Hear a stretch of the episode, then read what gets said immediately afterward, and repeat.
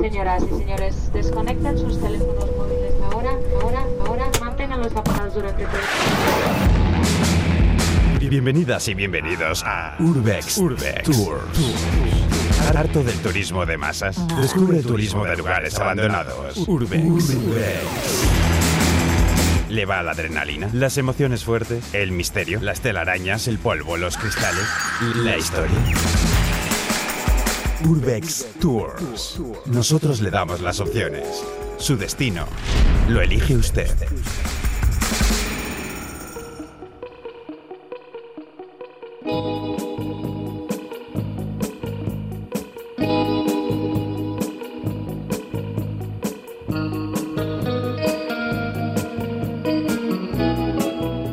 Abrimos agencia de viajes, una agencia que nos llevará a conocer lugares que un día quedaron abandonados, esos espacios con polvo, humedad, pero también con mucho misterio. Es el Urbex al que nos acercamos gracias a, nuestro guía, que es Inco Martín. ¿A dónde nos lleva hoy el Urbex? Pues guay, tenemos, tenemos una pedazo oferta. Tenemos una oferta que, mira, por un lado les va a encantar a los hijos e hijas del, del gafapastismo, del pañuelito al cuello, o de observar, por ejemplo, un extintor enmarcado y ser capaces de llegar a conclusiones metafísico-trascendentales. Pero, por otro lado, también le va a gustar esta oferta a esa gente que, pues que desde la humildad y el cero postureo sabe disfrutar y apreciar cualquier atisbo de cultura. Así que nos vamos al Urbex Cultural. Muy bien, lo has acertado, muy bien, sí, sí, sí, porque, claro, culturizarse siempre es bueno y porque el abandono, además de esconder belleza, pues también esconde cultura. Así que por todo ello, hoy tenemos plan de cine, teatro y artes plásticas. ¿Cerquita? Eh, bueno, nos vamos a ir a Detroit, República Checa Bueno. y Alabama en ese orden, además. O sea, vamos a ver buenos saltos. Sí, sí. Así sacamos provecho a lo de la radio, a, a lo de poder viajar con la imaginación. ¿Tú conoces Detroit? Pues no, y la verdad es que me encantaría, o eso Eh, creo. Miriam, todo amante del Urbex ha de conocer Detroit.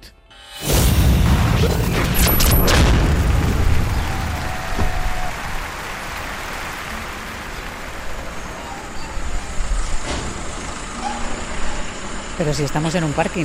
Eh, sí, un parking de Detroit. Sí, bueno. o sea que lo de la cultura era también por cultura del motor. Eh, no, pero bueno, el tema es que, que, bueno, esto es un parking, no es un parking cualquiera, o sea, mira esos techos, hay abovedados, hay Sí, con cierto. todo ornamentados, con mil detallitos, eh, mira esos balcones ahí en la pared, las columnas, es puro arte, parking puro arte. ¿Tú has visto alguna vez un parking como este, con tanto estilo? Pues no, y resulta curioso aparcar en un sitio así, la verdad. Eh, fíjate que estamos ante lo que podría ser una nueva variante del Urbex que vamos a inaugurar, que es el Urbex Auto, como lo de Macauto, Calla, pero, pero, en Pero en Urbex. bien, ¿no? Sí, claro, Urbex Bueno. es del coche. ¿Tiene algo Sí, que sí. ver todo esto con mezclar urbex, arte y que Detroit fue la meca de la producción de automóviles? Eh, no, no. Aunque también te digo que aquí justo estuvo el primer taller de Henry Ford en este mismo edificio. De aquí salió el primer Ford, de hecho. Y aunque también te digo que a día de hoy Detroit, más que meca del automóvil, yo creo que podría ser meca del Urbex. Más que nada porque todas las fábricas de aquella época de esplendor pues están abandonadas y los barrios donde vivían todos los currelas, lo mismo de lo mismo. De todas formas, como hemos dicho, hoy nos guía nuestro espíritu más cultureta y por eso estamos en el centro de Detroit, entre las avenidas Bagley y Cass, en el lugar eh, pues donde en 1925 los famosos arquitectos y hermanos Cornelius y George Rapp eh, alcanzaron, eh, al- alzaron un imponente edificio de estilo renacentista que pasaría a ser una de las joyas arquitectónicas de la ciudad. Un teatro llamado Michigan Theatre. De verdad que es una joya y tiene pinta de que lo fue y grande, alcanzaron unas cotas muy altas, es muy grande también. Tochaco, sí, sí, sí. El edificio costó 3,5 millones de dólares de aquella época, que serían como 42 millones de dólares hoy. Un pastón que se reflejaba en la cuidadísima estética del edificio, tanto en la parte de fuera como en la de dentro, en el interior, con columnas de mármol, enormes lámparas de araña, candelabros, escalinatas, alfombras, obras de arte en las paredes, de todo tenía. Sí, la verdad es que el continente impresiona y, y el contenido. Eh, bueno, nada que ¿Cómo ver era? con muchos de los espacios modernos de hoy en día. El Michigan Theater se estrenó en agosto de 1926 y tenía una capacidad para 4.000 personas, bastantes. Público al que se le ofrecía bien cine, bien teatro o bien conciertos, oferta variada para satisfacer cualquier ansia cultural que tuviese la gente de Detroit. O sea, claramente era variada, pero también era de calidad, digamos. mm, Eh, poquita cosa, poquita cosa. Y además de proyectarse las pelis más taquilleras de aquella época, pues sobre las tablas de este teatro pasaron los shows de gente así como los hermanos Marx, Red Skelton, que es el de Buenas noches y que Dios les bendiga, Betty Grable, Doris Day, Bette Davis. Casi nada. Y ya en tema musical, pues tenemos, por ejemplo, a Louis Armstrong, que se estrenó precisamente en Detroit, en este Hmm. teatro, en el 36, ¿Aquí? 1936. ¿Dónde estamos? Justo aquí, sí, sí, donde está aparcado ese ¿En esta coche pista? rojo. Sí, sí, sí. Y también gente como Frankie Sinatra, eh, David Bowie o los Kiss. Casi nada. ¿Y cómo acabó el Michigan Theater convertido en este parking? Eh, bueno, pues en la década de 1960 la industria del automóvil en Detroit pues empezó a caer en picado, ¿no? Lo cual afectó a todos los sectores económicos de la ciudad, sector cultural incluido, claro. El Michigan Theater aguantó de todas maneras hasta 1971 y después fue cambiando de dueños y convirtiéndose en cosas como por ejemplo un club de noche, una sala de conciertos, un restaurante, pero nada de esto triunfó, así que a finales, bueno, a los eh, finales de los 70 mutó al parking que vemos hoy en día, que sirvió para los currelas de la torre de oficinas que está unida al teatro. Cuando hemos entrado la has visto, están pegadas Sí, una y otra. sí, sí, es verdad. Mm. ¿En Coy mantuvieron la estética un poco para recordar lo que fue? O No, no, no, no, no, no, no, que va, que va, que No va, no, no, no, no, no, no, no, das una hoy, que va. Eh, al ser el teatro parte integral de la estructura de la torre de oficinas esta, pues no se pudo destruir por completo y Menos- tuvieron que menos mal, mantener, por otra sí, parte. sí, está guay, claro, tuvieron que mantener, pues eso, lo que se ve ahora. Es lo extraño de este parking, con esos techos, ese hall, eh, las escaleras, o está incluso la sala de proyecciones ahí arriba. Pues podían aprovechar y usarlo de vez en cuando como autocine, ¿no? Para fusionar motor y cultura. ¿Qué te parece? Eh, buena idea. Y mira que sigue ligado eh, al cine este, este lugar. Mira, aquí se han rodado películas como 8 millas, La isla de Michael Bay, En la mente del asesino, Transformers. Va, un poco palomitera la cosa, ¿no? ¿Tú te parece si vamos a cultura un poquito más de elite, de élite? Sí, sí, todo ¿Te me, apetece? me parece bien, ¿no? ¿Dónde vamos? Pues a Chequia.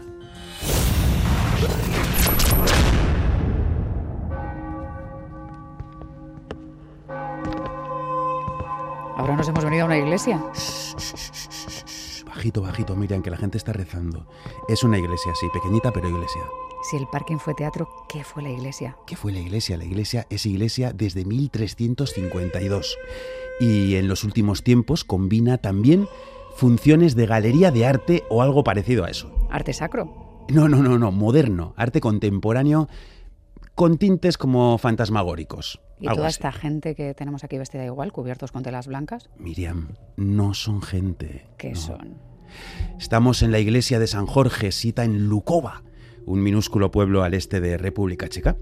Una antiquísima iglesia, siete años sobre sus tabiques, que es además un gran ejemplo de resiliencia arquitectónica, de luchar contra las sombras del abandono y la destrucción. Vamos allá. En el siglo XV fue semidestruida en las guerras husitas. Se reconstruyó en el XVI, pero tras sobrevivir a varios incendios, en el XVII un enorme fuego la arrasó. Sin embargo, cual ave fénix renació de sus escombros y fue nuevamente reconstruida. Esta vez incluso le dieron un toque gótico y le añadieron una torre. También sobrevivió a la Primera y a la Segunda Guerra Mundial, pero llegó algo con lo que ya no pudo. ¿Qué crees que fue Miriam? Un terremoto. Uh, no. Vaya. En el año 1968, mientras se celebraba un entierro, parte del techo se derrumbó e hirió a varias personas. La gente creyó que la iglesia estaba maldita, embrujada, así que dejaron de ir y la iglesia quedó abandonada. La crueldad de, la crueldad de la vida. Soportas guerras e incendios y lo que te tumba viene a ser la superstición humana. Sí. Mira tú. Bueno, abandonada, pero tampoco está destruida del todo, ¿no? No, no, no, Está después no, decente. no, está, bah, está- se mantiene bien. Para Urbex mola. Después llegó el comunismo, al que pues esto de reconstruir eh, iglesias como que no le iba demasiado, y pasó lo que habitualmente pasa en las fases pre-urbex, ¿no? Pues que pasaron los amigos de lo ajeno, se llevaron, sí, estatuas, cuadros, hasta la, hasta la campana se llevaron. ¿Qué salvó a la iglesia de la definitiva caída a los infiernos? ¿Tal vez un milagro? Tal vez las personas tapadas con sábanas que tenemos a nuestro alrededor. Pues por ahí va la cosa, por ahí va, sí, sí, sí. En el año 2012, un profe de Bellas Artes de la Uni de Bohemia Occidental pide a sus alumnos y alumnas que busquen un lugar abandonado que les sirva como escenario para crear una especie de instalación artística. Ujú. Y ahí, tras 40 años abandonada, un estudiante llamado Jakub Madrava se acerca a Lukova, ve la iglesia y no lo duda ni un segundo. ¿Tú te has fijado en que las personas tapadas con sábanas no se mueven nada?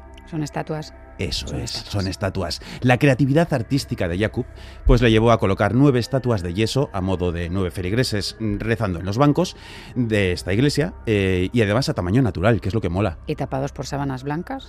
Ese es el toque, yo creo, artifantasmal Ya. que le dio.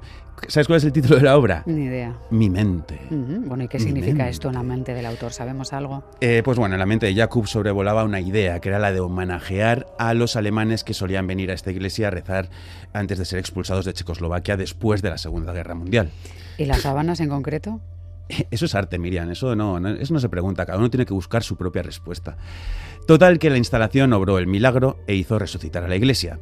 La obra de Jakub cogió fama y empezaron a acercarse turistas y más turistas a lo que ya empezó a llamarse incluso como Iglesia de los Nueve Fantasmas. Pero hay muchos más de nueve. Sí, hay 32. Jakub, pues nada, se le subió la fama a la cabeza y empezó a petar esto de estatuas, algunas de pie, otras ahí apoyadas en la pared. Y claro, ante el goteo de turistas, a la iglesia como que le hizo tilín esto del arte moderno. Y decidió volver a celebrar ceremonias, ceremonias en las que los feligreses humanos eh, comparten banco con los feligreses fantasmales. Toda una estampa bastante Sí, sí. curiosa, la verdad. Un poco inquietante. Y de la que van saliendo donativos que de momento, mira para arriba, han permitido reconstruir el techo de la iglesia. Pero el resto sigue con aspecto así de estar un poco abandonado, ¿no? Eh, ¿Acaso te extraña? A ver, Miriam, qué más bello, persuasivo, profundo, hasta místico, diría yo, que el arte del abandono. ¿A ti te gusta Tim Burton, así cambiando de tercio? Cambiando de, tem- de tercio, yo reconozco que tiene su punto, la verdad. Sí, eh, mira, seguro que él podría haber imaginado un sitio como este, pero lo que seguro que imaginó es el lugar a donde nos vamos ahora. ¡Alabama!